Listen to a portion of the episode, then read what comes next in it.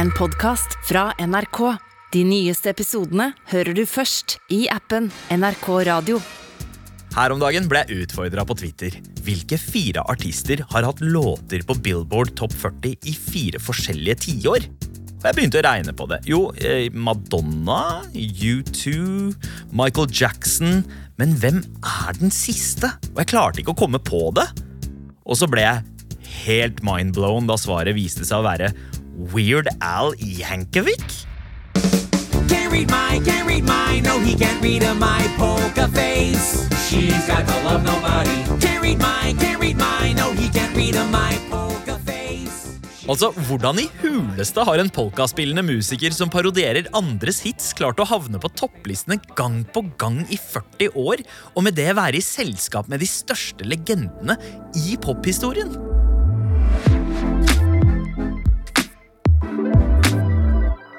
Velkommen til Musikkrommet. Jeg heter Sandeep Sin.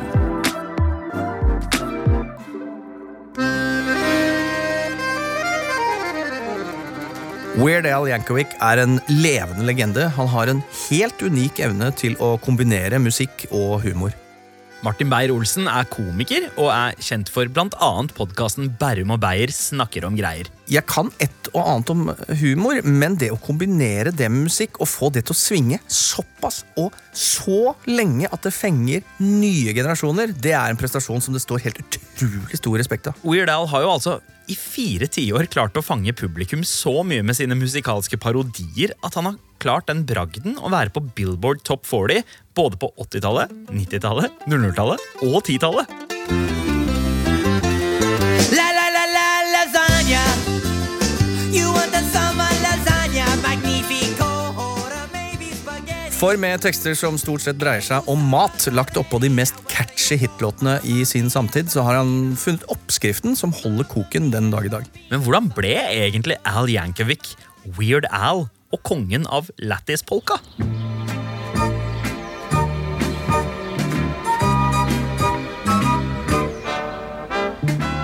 Vi er i suburbia utenfor Los Angeles på 1960-tallet. Alfred Matthew Yankovic vokser opp som enebarn med foreldre som er litt oppi åra.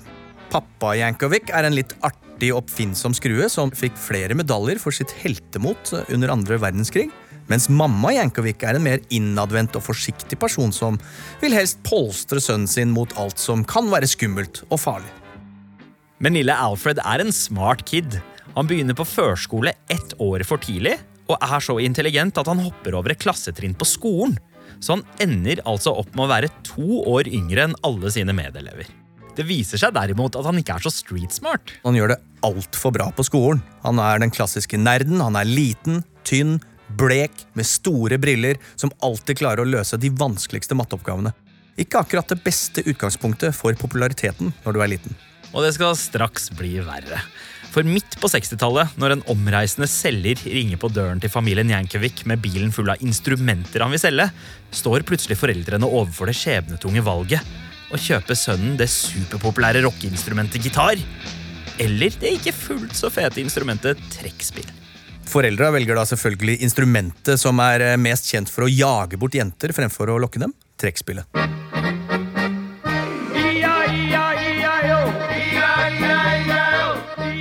Og begrunner det med at eh, det tross alt må være flere trekkspillende Yankowicker i verden enn den store polkastjernen som familien deler navn med, men ikke er i slekt med, Frankie Yankovic.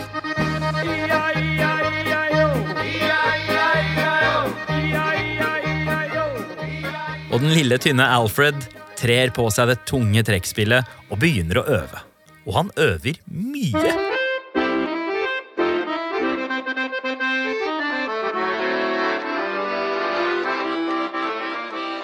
Ja, for med en ekstremt overbeskyttende mor så får jo Alfred aldri dra ut og leke. Han er aldri på overnattinger hos venner, aldri på sykkelturer i nabolaget eller noe annet som kan, etter mors mening, være farlig. Og det stopper ikke der. Altså, Moren skal visstnok ha gått så langt som å følge med på gymtimene hans på ungdomsskolen.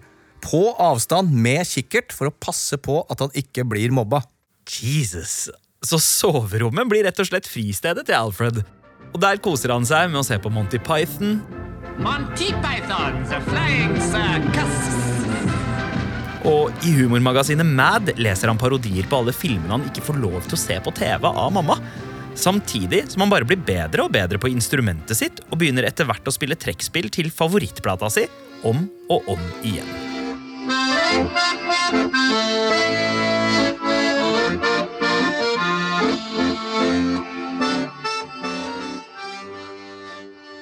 I starten av tenåra oppdager Alfred et radioprogram som eh, kombinerer hans kjærlighet for humor og musikk. Comedy from out of the archives and off the wall.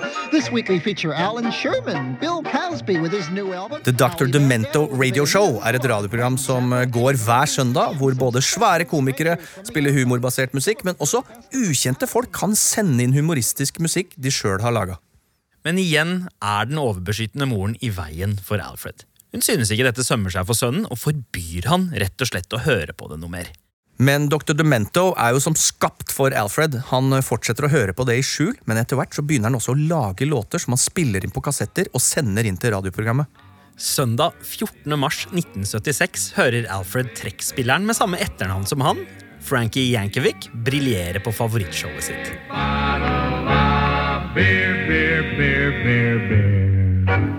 Og så sier Dr. Demento plutselig dette. Frankie Yankovic from Cleveland, Polka Town, and his accordion, How Many Burps in a Bottle of Beer? Which brings me to this next thing. That is a Dr. Demento exclusive. You'll be hearing it for the first time anywhere on the radio. This is another fellow who also plays the accordion, which I often think is the most demented instrument of all time. And to uh, make it a little more than coincidence, perhaps, his name is also Yankovic. Dr. Demento har valgt 16 år gamle Alfred blant alle de innsendte amatøropptakene.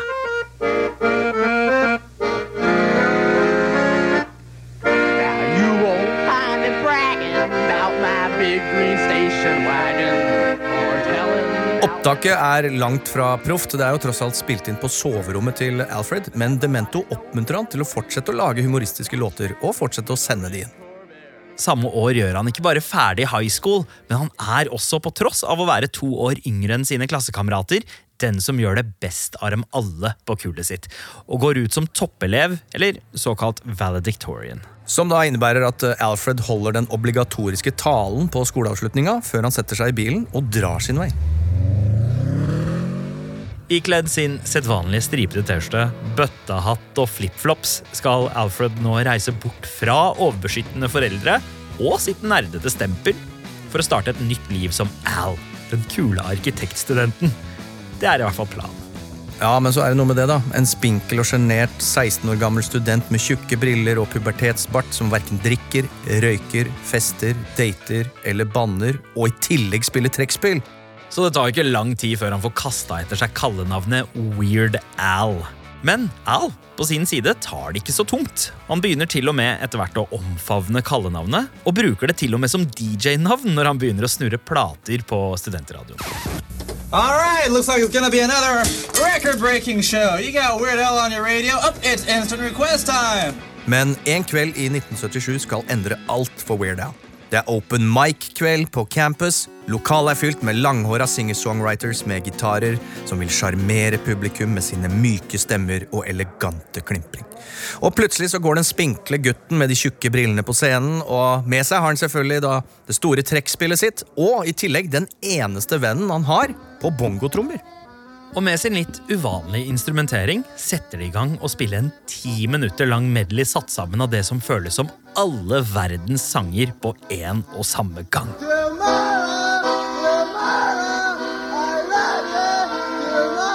Altså Det høres jo ut som at de med vilje setter seg midt i skuddlinja, klare for å bli sabla ned. Men til alles store overraskelse, inkludert Al og kompisen, så reiser publikum seg og klapper og jubler vilt.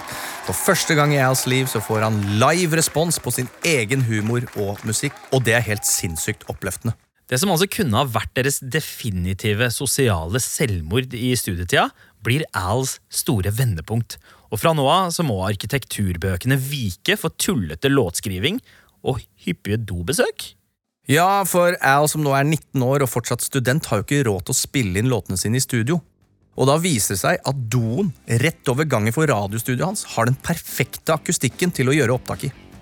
Og i 1979 troner The Knacks låt My Sharona på toppen av hitlistene. When you gonna give me some time, Sharona?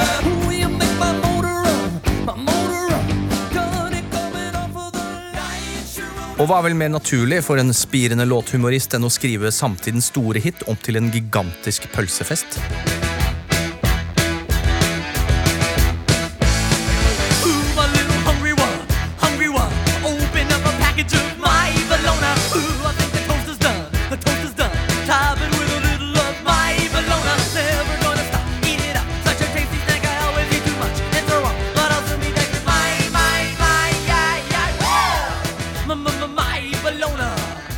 I came up with a brilliant concept of My Bologna. And uh, since I couldn't afford a real recording studio, uh, I went across the hall from KCPR into the bathroom where the tiled walls gave a really nice, warm reverb effect, that, that bathroom wall of sound. Uh, so I, I just set up a microphone and brought in my accordion and uh, recorded it there, sent the tape to Dr. Demento. Toalettopptaket blir en hit på Dr. Demento Show. Og ikke lenge etter blir Weird Al kontakta av vokalisten i The Knack og det gigantiske plateselskapet deres Capital. Men ikke fordi de er sure. Nei da, de vil at Weird Al skal gi ut My Bologna som singel.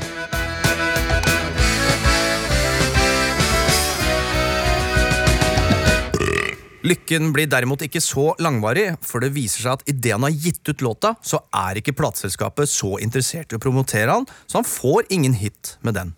Men det stopper ikke Al. Han fortsetter å produsere musikalske parodier etter samme lest, og kommer seg etter hvert på TV for første gang.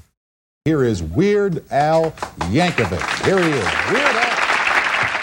Riding in a bus down the boulevard, and the place was pretty packed. I couldn't find a seat, so I had to stand with the perverts in the back.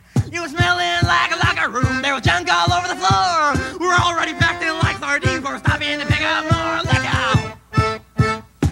one rides the bus. Another one rides the bus. And another comes on, and another comes on. Another one rides the bus. Weird Al får lov av større og større artister å gjøre narr av låtene deres. Og det topper seg etter at han har gjort det så bra med Queen at han får ja av selveste kongen av popmusikk til å parodiere en av tidenes største hits.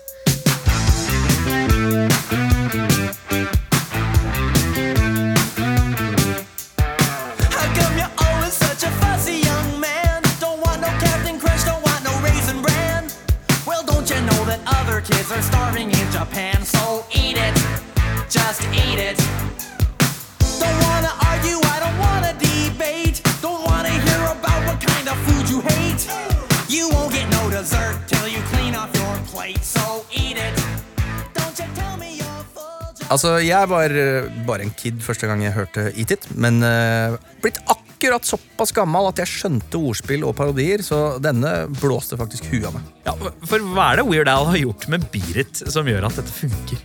Uh, For det første så er det vel bare det å velge det som er den desidert største hitlåta på den tida.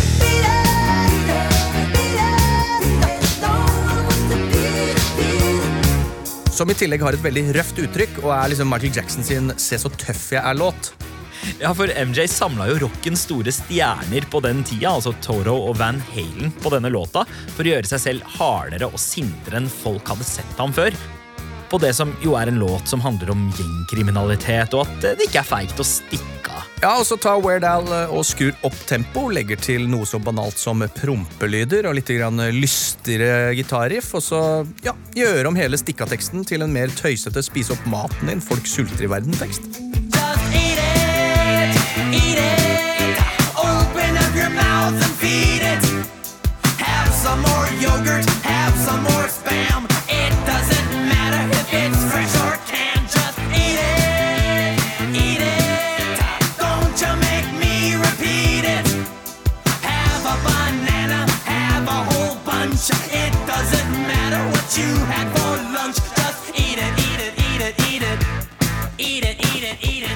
Tross av prompelyder så er jo produksjonen ekstremt bra her. Altså, det er tight, og du hører at Al er enormt musikalsk og ikke har spart på noe. Og der My Bologna manglet alt av promotering, så får Weird Al nå plutselig et helt annet tilbud. For den relativt unge musikkanalen MTV har funnet ut at humor slår an, og Al har gjort seg bemerket med at han ikke bare lager morsom parodimusikk, men han er også en mester i å lage hysterisk artige musikkvideoer. Så nå får han slå seg løs helt fritt i hele fire timer på MTV. I 1985, på verdens tulledag 1. april, så har Weird Al Yankovic døpt om MTV til Al TV. Hello, everybody. Welcome to my living room. So just sit back and relax because this is Al TV. Og når han spiller sin egen musikk i showet, så får mange seere med seg den utrolig forseggjorte musikkvideoen der han har parodiert Beat It-videoen til minste detalj. Og Irit blir en gigahit. Den fyker faktisk forbi Michael Jacksons egen thriller og havner på tolvteplass på Billboard. Og Al får også sin aller første Grammy eh, for låta i kategorien humormusikk. Og plata den er på, selger først til gull, og så til platina. Og nå kjenner Al selv at dette her er annerledes enn før. That was big. I mean, before Eat It came out, I was basically this uh, faceless jerk from LA that made silly songs. And after after Eat It, I was a very well-known jerk from LA that made silly songs. For nå begynner folk å rope 'Hey, you're that Eat It guy' etter han. Og han blir en populær gjest på TV-shows hvor han nesten gjør sport i å understreke sin eh, weirdness. Hva about din personlige liv? Hva about. Do you need a weird girlfriend? Well, you know, my accordion has always been my main squeeze. Oh, God, Al. Men den grundige måten Weird Al gjør ting på, funker spesielt bra overfor musikerne han parodierer. Ikke bare gir de ham tillatelse til å gjøre sine tulleversjoner av låtene deres, men de føler seg til og med smigra over at han i det hele tatt gjør narr av dem. Og mange, både artister og fans, kommer med forslag til hvem man skal parodiere og hvilke låter. Og der har Weird Al en ganske streng linje om å si nei til alle forslag. For han vet jo nøyaktig hva han er ute etter når han skal finne en låt å parodiere. Generally, I look for uh, a song that's upbeat, a song people really are familiar with. It has a very uh, uh, um, uh, well-known bass line like uh, My Sharona or I Love Rock and Roll. You know, But then he gets an offer he can't refuse. Ja,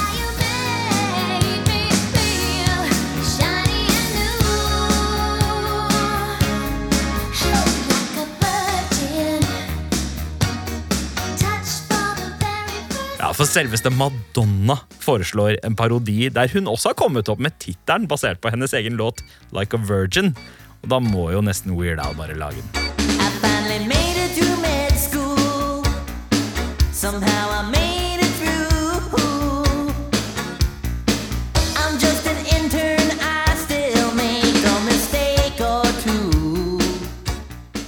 Han er utover 80-tallet ekstremt produktiv, og det som kanskje er fellesnevneren for mye av det han lager, er at det er veldig uskyldig og banal humor i låtene, som veldig ofte handler om mat. Og alle kan jo relatere seg til mat.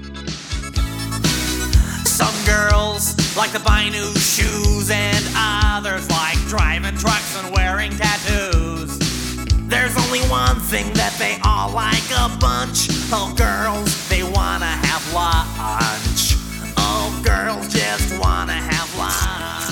Men mot slutten av 1980-tallet møter Weird Al Yankovic på noen fartsdumper. I 1989 prøver han seg på Hollywood. Han er med som medforfatter og spiller hovedrollen i sin aller første spillefilm, UHF. Oh, I just want to see if my interocitor can withstand a sudden charge of 60,000 volts. What? Men den flopper fullstendig. Og det samme gjør soundtracket han har laga til den. Og denne skuffelsen blir så stor at han ikke klarer å lage noe nytt de neste tre årene. Og når han endelig tror at han har en god idé, så ender det bare med nok en skuffelse. For Al og Michael Jackson begynner jo å få et ganske godt forhold til hverandre etter at Al har gjort x antall parodier velsigna av kongen sjæl, men i 1992 får Al for aller første gang kongens nei. Hans forslag om å gjøre Black or White om til Snack All Night faller ikke i god jord. Fordi MJ synes akkurat denne låta har et såpass seriøst tema at det ikke bør tulles med. Ting ser håpløst ut for Al. Men så, i 1991, dukker plutselig dette bandet opp på radaren hans.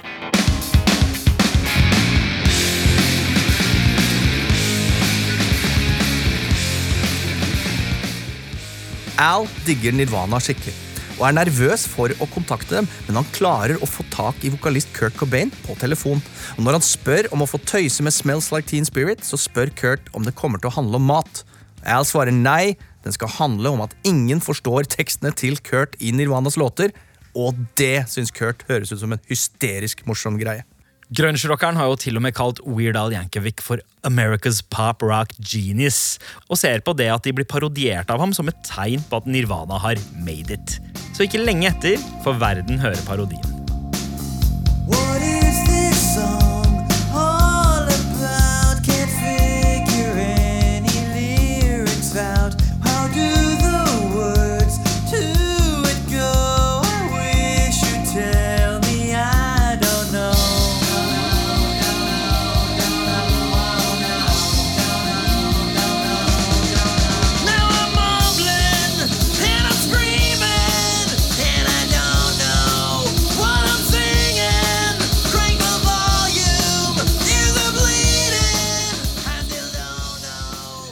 Nirvana-parodien markerer seg med Weird Als nest høyeste plassering på Billboard og revitaliserer karrieren hans.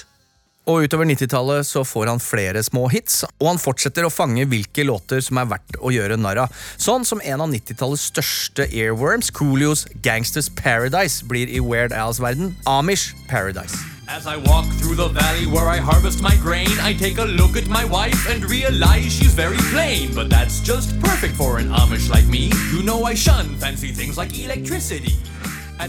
Selv om parodiene er som de pleier, så forandrer Weird Al Yankovic seg mot slutten av tiåret.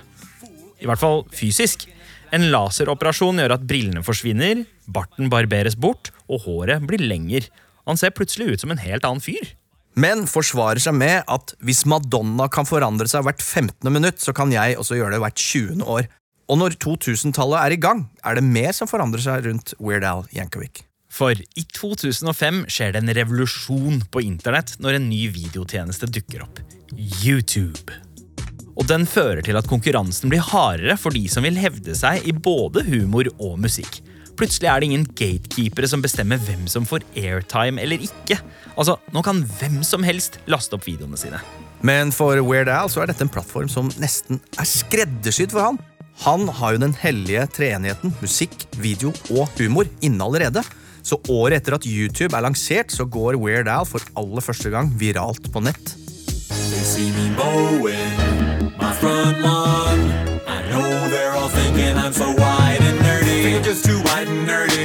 Just too white and nerdy. Can't you see I'm white and nerdy? Look at me, I'm white and nerdy. I wanna roll with the gangsters. But so far they all think I'm too white and nerdy. White and Nerdy, parodien på Chameleonaires Ride-In, blir i 2006 Weird Als aller største singelsuksess noensinne. Og albumet det kommer ut på, Straight Outta Linwood, fører ham til topp ti på Billboard. Samtidig som han selv får skryt av Chamillionaire for suksessen han selv får med originalen. In fact, uh, Chameleonaire came up uh, uh, Grammy for Rap Song of the Year, and he thanked me. He said, "You know, your parody is a big reason why I won this Grammy because you made it undeniable that Ryden was the Rap Song of the Year." Men eh, Weird Al skjønner at det nå er nye tider. YouTube oversvømmes av andre folk som også driver med parodier, og vil slå igjennom med sin humormusikk. Så konkurransen om å ta de riktige låtene til riktig tid og på riktig måte, ikke minst, er hard.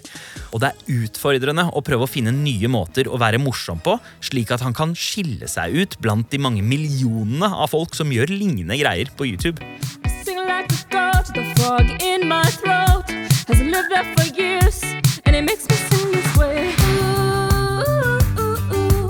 One side of me gets the hint, but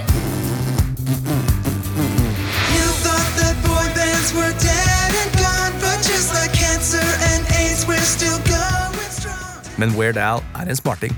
Og I 2014 så gjør han greia si større enn noen gang. Han lanserer de nye låtene sine i et ambisiøst prosjekt han kaller Eight Videos, Eight Days. Som går ut på akkurat det navnet sier. Han slipper én ny musikkvideo hver dag i åtte dager på ulike underholdningsplattformer. Som en slags gigantisk videoturné. Og den topper seg med hans egen parodi på Blurred Lines.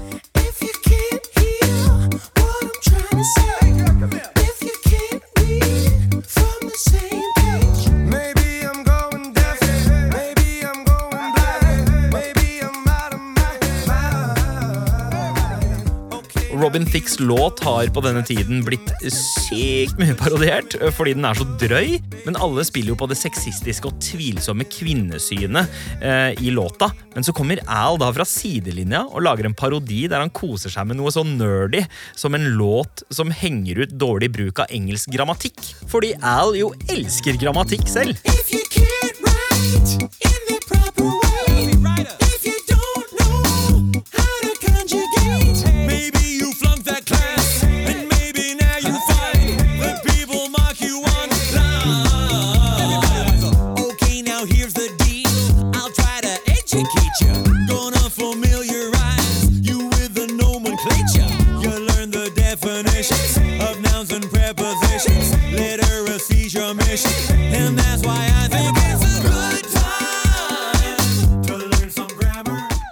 Parodien på låta, som basically drepte karrieren til Robin Thicke, gjør det helt motsatte for Weird Al.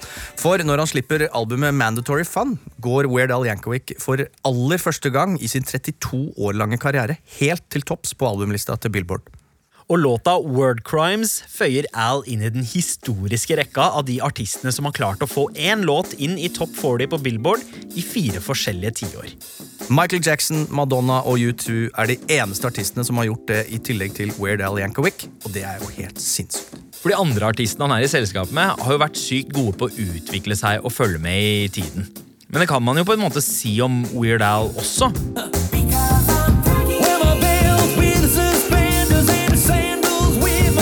Wear Ikke bare klarer han å henge med på den teknologiske utviklinga, men han er også en mester i å se hva som faktisk er kvalitet og populært i samtida han er i, hacke det og lage sin egen versjon av det.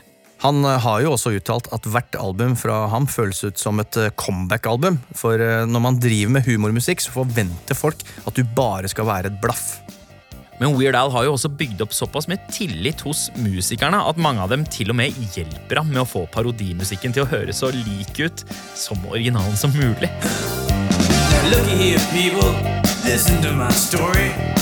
A little story about a man named Jed. You know something,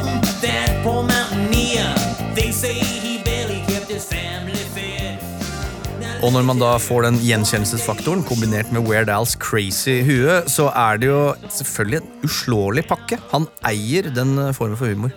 Og Weird Al har jo også åpnet dørene for flere generasjoner etter seg. Altså, Trioen Lonely Island er tydelig inspirert, og dessuten har talkshow-vert Jimmy Fallon og stjerneregissør Linn Manuel Miranda gjort en greie av sin store kjærlighet for Weird Al flere ganger. I remember leaving our wives to go to the basement to listen to vinyl music while our wives were upstairs talking about probably real world issues. We Yeah. were um, listening to every polka track that Weird Al Yankovic has ever done on vinyl because Jimmy has them all. Ja, og Musiker og skuespiller Jack Black og TV-rapperen Dave er jo to andre som må ha blitt påvirka av eh, Weird Al. Samtidig har jo en ny generasjon nå også fått øynene opp eh, for han når eh, han ble løfta frem i TV-serien Stranger Things.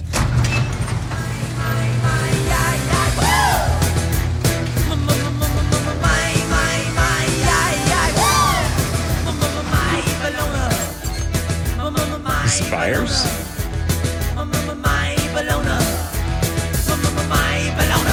Og nå er det faktisk laget en hel spillefilm om Weird Al og hans liv, med Daniel Radcliffe, altså selveste Harry Potter, i hovedrollen.